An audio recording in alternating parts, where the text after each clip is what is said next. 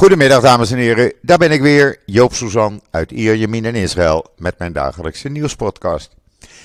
Overvol, want er is wel het een en ander gebeurd, maar eerst maar even snel het weer. 16 graden, af en toe een wolkje. Het heeft eh, behoorlijk geregend sinds gisteravond en de afgelopen nacht. En de komende twee dagen, dat begint vanavond zo'n beetje, dan krijgen we ruim 90% kans op regen. Eh, ja, dat hoort in deze maand. En eh, ja, af en toe is eh, twee dagen en dan weer een paar dagen goed weer. Ach, we moeten het er maar mee doen. Maar ja, de buien hier, het zijn enorme hevige buien. Er valt gewoon een tiental millimeters in, in een korte tijd.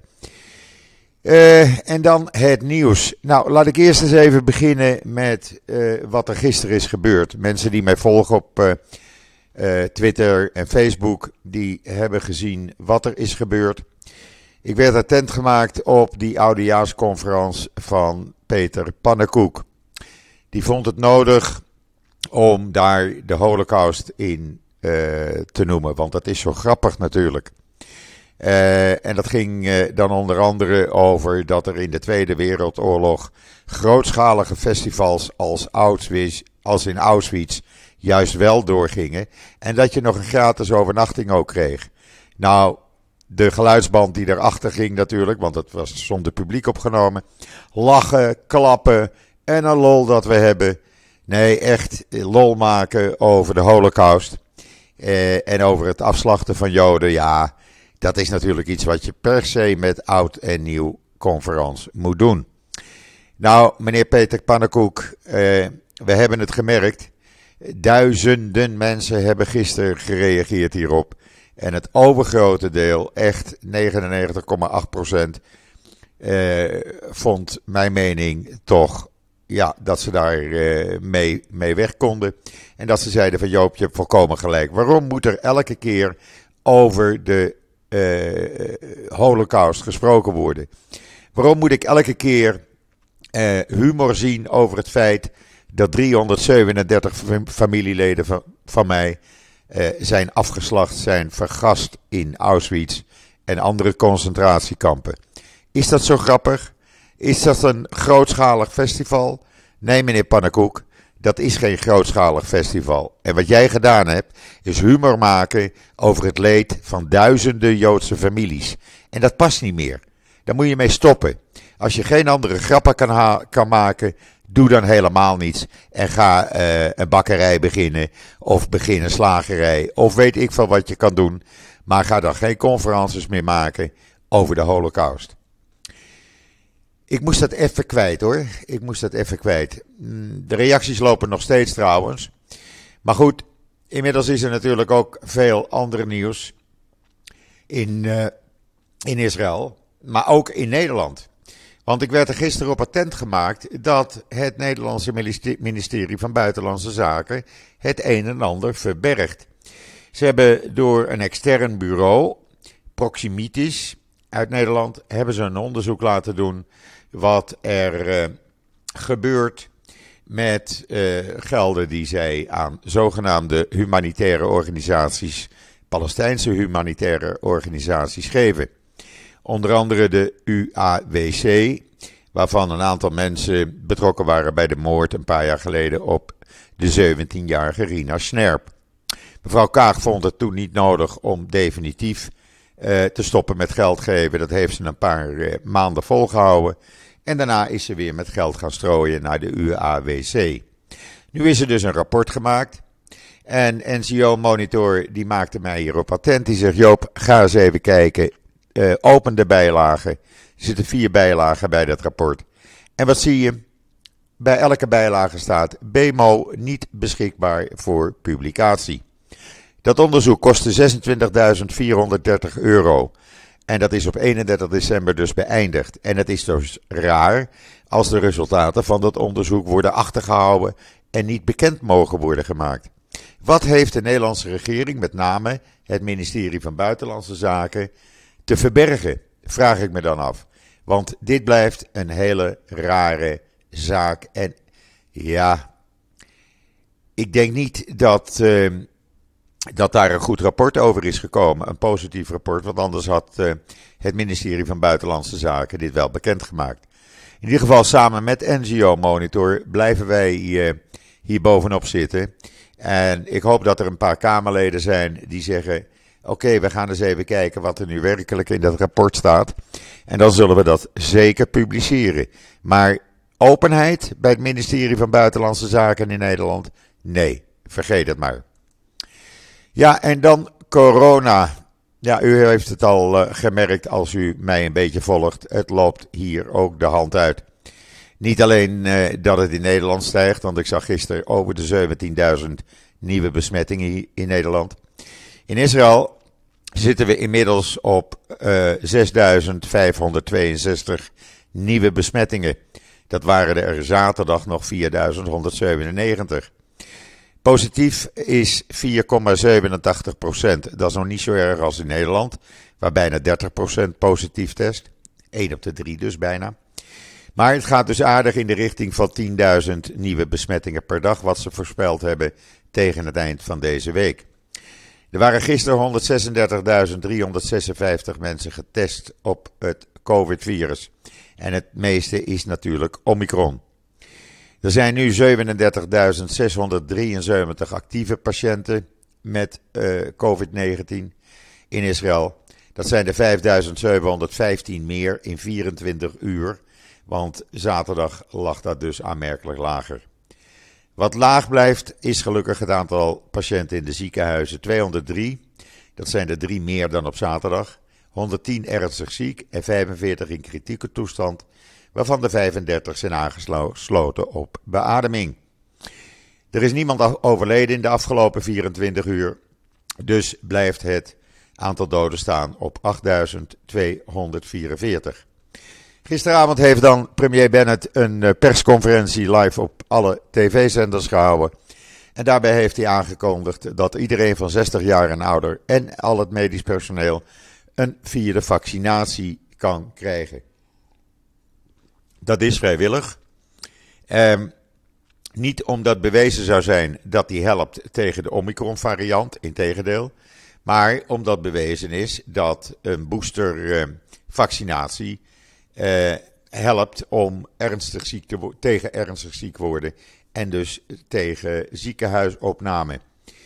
Dat wil men hiermee voorkomen. Het immuunsysteem krijgt dus weer een boost en kan dus weer even tegen COVID-19 gaan vechten. Met in dit geval dus de Omicron-variant. Uh, ondertussen, uh, ja, er worden zoveel mensen getest. Dat, dat schommelt dus gisteren 136.000. Vandaag zal het ook weer rond de 150.000 liggen. Dat het, uh, het zit aan, aan het maximum wat er gedaan kan worden. Want al die testen moeten ook gecheckt worden. En uh, men probeert dus nu uh, mensen te helpen door zoveel mogelijk testcentra 24-7 open te laten zijn. En daarnaast in plaats van PCR-testen antigenetesten te gaan doen. Vooral bij scholieren, op scholen dan. Men heeft daarvoor voor 20 miljoen. Men heeft daarvoor 20 miljoen extra sneltestkits aangeschaft. Daarnaast probeert men mensen die niet gevaccineerd zijn over de streep te helpen door te zeggen van luister, als je je eerste keer laat vaccineren, krijg je meteen een voorlopige groene pas voor de eerste 30 dagen. En daarna moet je natuurlijk je tweede nemen en je derde booster. Uh, het blijkt nog steeds dat het merendeel van de patiënten in de ziekenhuizen jongeren zijn. 76% is niet gevaccineerd. En de rest zijn mensen met uh, ja, bijkomende uh, ziekte, waardoor ze dus een minder immuunsysteem hebben. Uh, Bennett zei ook nog tegen iedereen: laat je nou vaccineren. Ik doe het ook. Mijn kinderen worden gevaccineerd. mijn moeder krijgt haar vierde vaccinatie. We lopen voor, zegt hij. We hebben gezien wat er in Nederland, Duitsland gebeurt. Gedeeltelijke lockdown, helemaal een lockdown. We hebben gezien wat er in Frankrijk, Engeland, Amerika gebeurt. Eh, laten we nou een beetje zorgen dat we voorop blijven lopen. Hij adviseerde ook om zoveel mogelijk maskers te dragen. Eh, niet alleen in winkels, maar ook eh, binnenshuis bijvoorbeeld. Eh, en als je naar drukke plekken gaat. Um, ondertussen uh, hebben de eerste uh, COVID-patiënten in Israël hun uh, ja, anti-COVID-pil gekregen. de eerste pillen zijn binnengekomen van Pfizer. De pillen tegen COVID-19 van Merck zijn onderweg, zijn er ook honderdduizenden.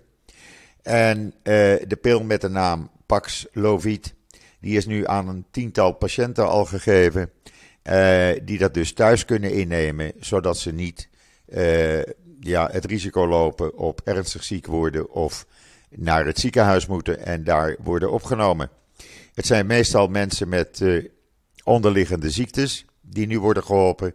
Maar de bedoeling is dat iedereen die COVID-19 heeft, of het nou Omicron of Delta is, en het risico loopt op ernstig ziek worden, die krijgt dus een COVID-19-pil thuis toegediend. Nou, dat is natuurlijk lekker en dan voorkom je dat er veel mensen in het ziekenhuis worden opgenomen. En dan moest Idan Rol, zeg maar de staatssecretaris van Buitenlandse Zaken, op het matje komen bij minister Lapid. Want hij was gefotografeerd en gefilmd op een nieuwjaarsfeest. Waar het erg druk was en uh, geen masker op, hield geen afstand. En zegt uh, Lapid: Ja, sorry, je bent een voorbeeld. Uh, je bent minister. Je hebt je aan de regels te houden. Ook als minister en juist als minister. Dus uh, ja, dit kan niet meer gebeuren. Dit kan je niet meer doen. dus hij heeft hopelijk zijn lesje geleerd. En dan is er voorspeld dat in de komende weken uh, we niet alleen naar uh, 10.000 uh, besmettingen per dag of zelfs 20.000 gaan. Bennett had het gisteravond in zijn toespraak nog op televisie. Dat hij zei van nou over twee, drie weken zou het wel eens 50.000 besmettingen per dag kunnen zijn. Maar er wordt ook rekening mee gehouden dat 1 op de 3 Israëli's besmet raakt met COVID-19. En dat maakt niet uit Omicron, Delta of de originele stam. het gaat hard. En uh, er zijn nu al ruim 37.000 mensen die besmet zijn. En dat blijft maar stijgen. Dat zullen morgen over de 40.000 zijn. Dus men probeert er alles aan te doen om die stijging af te remmen. Men zegt ook, uh, als je namelijk de boel kan afremmen en als veel mensen dus besmet raken, ja, dan krijg je een soort kudde-immuniteit. En dan zal het gaan afnemen over een week of drie Hopelijk. We zullen kijken wie van de experts daar gelijk aan heeft. Inmiddels heeft de Bar Ilan Universiteit besloten naar eh, online klassen te gaan en de universiteit voorlopig even te sluiten vanwege de stijging van COVID-19 gevallen. En er was er ook nog ander nieuws, want Grieks-Joodse archieven keren bijna 80 jaar nadat ze door de nazi's waren geplunderd terug naar huis, terug naar Griekenland. U kunt dat allemaal lezen op uh, israelnieuws.nl. Het is een mooi verhaal dat dat weer thuis komt en dat Griekenland weer die archieven heeft. En dan de Universiteit van Tel Aviv en de Israëlische luchtmacht hebben een uh, gezamenlijk centrum opgericht. Uh, het eerste in zijn soort in de wereld. En dat gaat onderzoek en kennis aanwenden op verschillende gebieden die verband houden met de lucht- en ruimtevaart om Israël vooruit te helpen op die gebieden. Die overeenkomst is getekend door de commandant van de Israëlische luchtmacht en de voorzitter van de Universiteit van Tel Aviv. De video en het hele verhaal op israelnieuws.nl. En dan eh, ja, ik zei het net al, eh, er is zoveel vraag naar testen. Iedereen wil getest worden op het ogenblik. Dat die testcentra de meeste 24 uur, 7 dagen in de week open blijven. En dat het uh, Mogain David Adom, MDE, heeft besloten meer testcentra te openen door het hele land. Dat is een goede zaak. Maar ondertussen hebben we ook nog iets anders, de vogelgriep. En die, zijn, die is weer op twee plekken vastgesteld. Een kippenboerderij en een kalkoenboerderij. En er moeten 14.000 kalkoenen afgemaakt worden en 7400 kippen. En dat gaat maar door.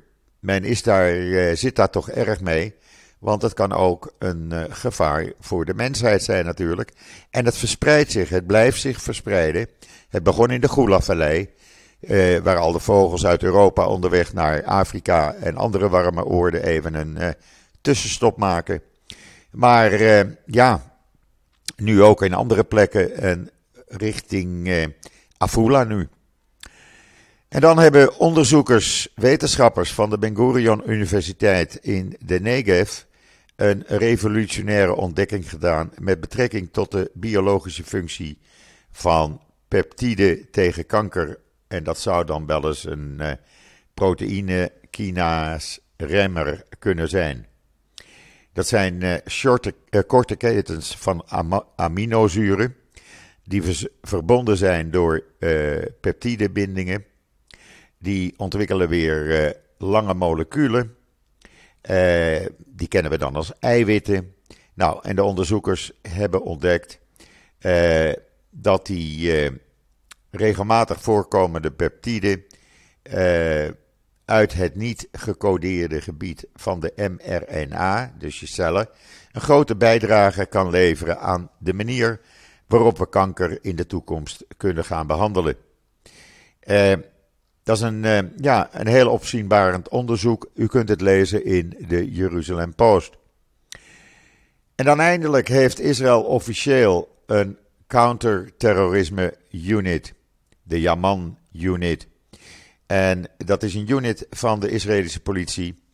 En die gaat landelijk opereren.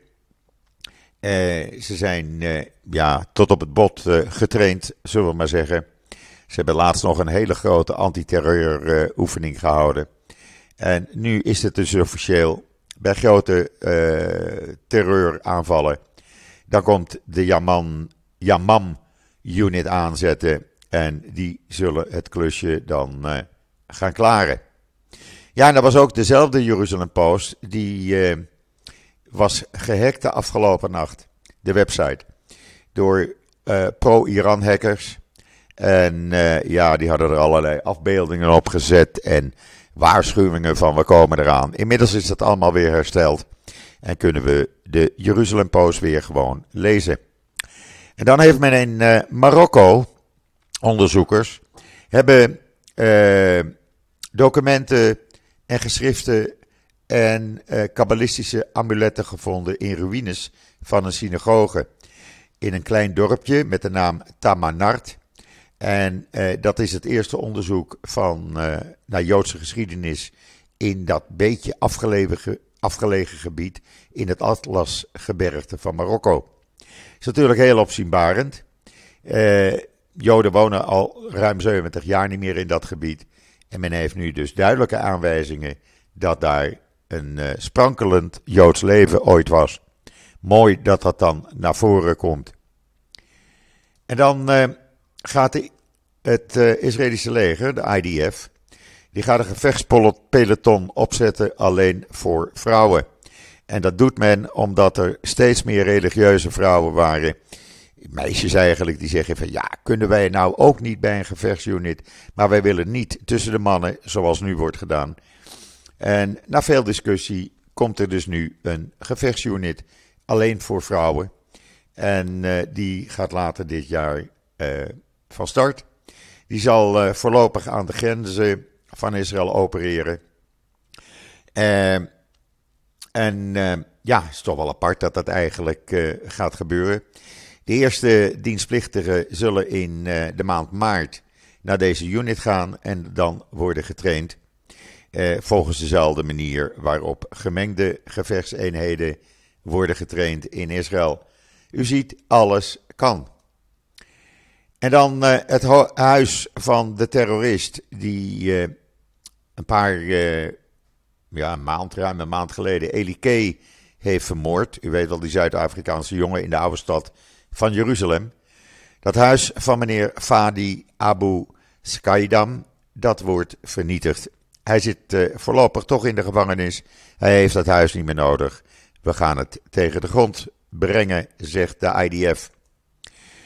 En dan heeft El Al weer uh, miljoenen van de Israëlische staat gekregen, maar ook de eigenaar. Meneer Rosenberg heeft er 830 miljoen shekel in gepompt. Uh, dat is zo'n, nou pak een beet, 250 miljoen euro. En er staat dus enkele honderden miljoenen shekels, een paar honderd miljoen dollar en El Al is dus voorlopig eventjes gered en kunnen we gewoon blijven vliegen. En dan had Hamas nog weer een leuk bericht vanmorgen. Nou, leuk. Ze zeggen: luister, wij willen nu dat er een. Uh, wij willen nu, zeggen ze. Ja, hij zei het echt. Meneer Ismail Haniyeh, de leider van Hamas. Wij willen dat er een uh, gevangenenruil komt. En bij die gevangenenruil moeten ook die zes gevangenen zitten die uh, een tijdje geleden uit de Kilboa-gevangenis waren ontsnapt en weer gepakt zijn. En doen jullie dat niet, dan gaan wij Israëli's kidnappen, net zolang totdat jullie uh, die zes gevangenen ook betrekken bij de gevangenenruil. Nou, ik denk zomaar dat uh, hier op dit voorstel niet wordt ingegaan. Want tenslotte, uh, meneer Hanier, meneer Gamas, jullie zijn niet degene die uh, de regels bepalen. Dat doet uh, de Israëlische regering wel. Ja, en dan nog even over Peter Pannenkoek. Hij schreef op mijn Twitter-account dat de bedoeling was juist aan het licht te brengen hoe Baudet de Holocaust gebruikt, misbruikt in zijn uitlatingen over de coronabeperkingen in Nederland. Maar ik blijf zeggen, meneer Pannenkoek, over de Holocaust ga er geen grapjes over maken. Uh, al die 6 miljoen Joden en die honderdduizenden zigeuners die daar vermoord zijn in die concentratiekampen, hebben geen festival gezien, hebben geen overnachting, uh, leuke overnachting meegemaakt, zoals jij denkt dat het humor is. Dus hou je hier van buiten. Als dit het niveau is van cabaret in Nederland, nou, dan hoop ik Nee, dan, dan ga ik wat anders zeggen. Dan ga ik maar weer de oude filmpjes van André van Duin zien. Die kon humor maken zonder mensen in de maling te nemen. Want dat kan. Je hoeft niet bevolkingsgroepen erbij te gaan betrekken. Goed, dit gezegd hebbende zijn we in afwachting van de volgende regenbuien. Ik wens u allemaal nog een hele fijne voortzetting van de eerste maandag in januari. Maak er wat van. Doen wij ook. Eh, draag een mondkapje zoveel mogelijk. Neem die boostervaccinatie. Doe het gewoon. Ik weet dat het in Nederland wat moeilijker is als hier, zoals het geregeld is. Maar doe het. En uh, ja, wat mij betreft, ik ben er morgen weer. En zeg zoals altijd: tot ziens. Tot morgen.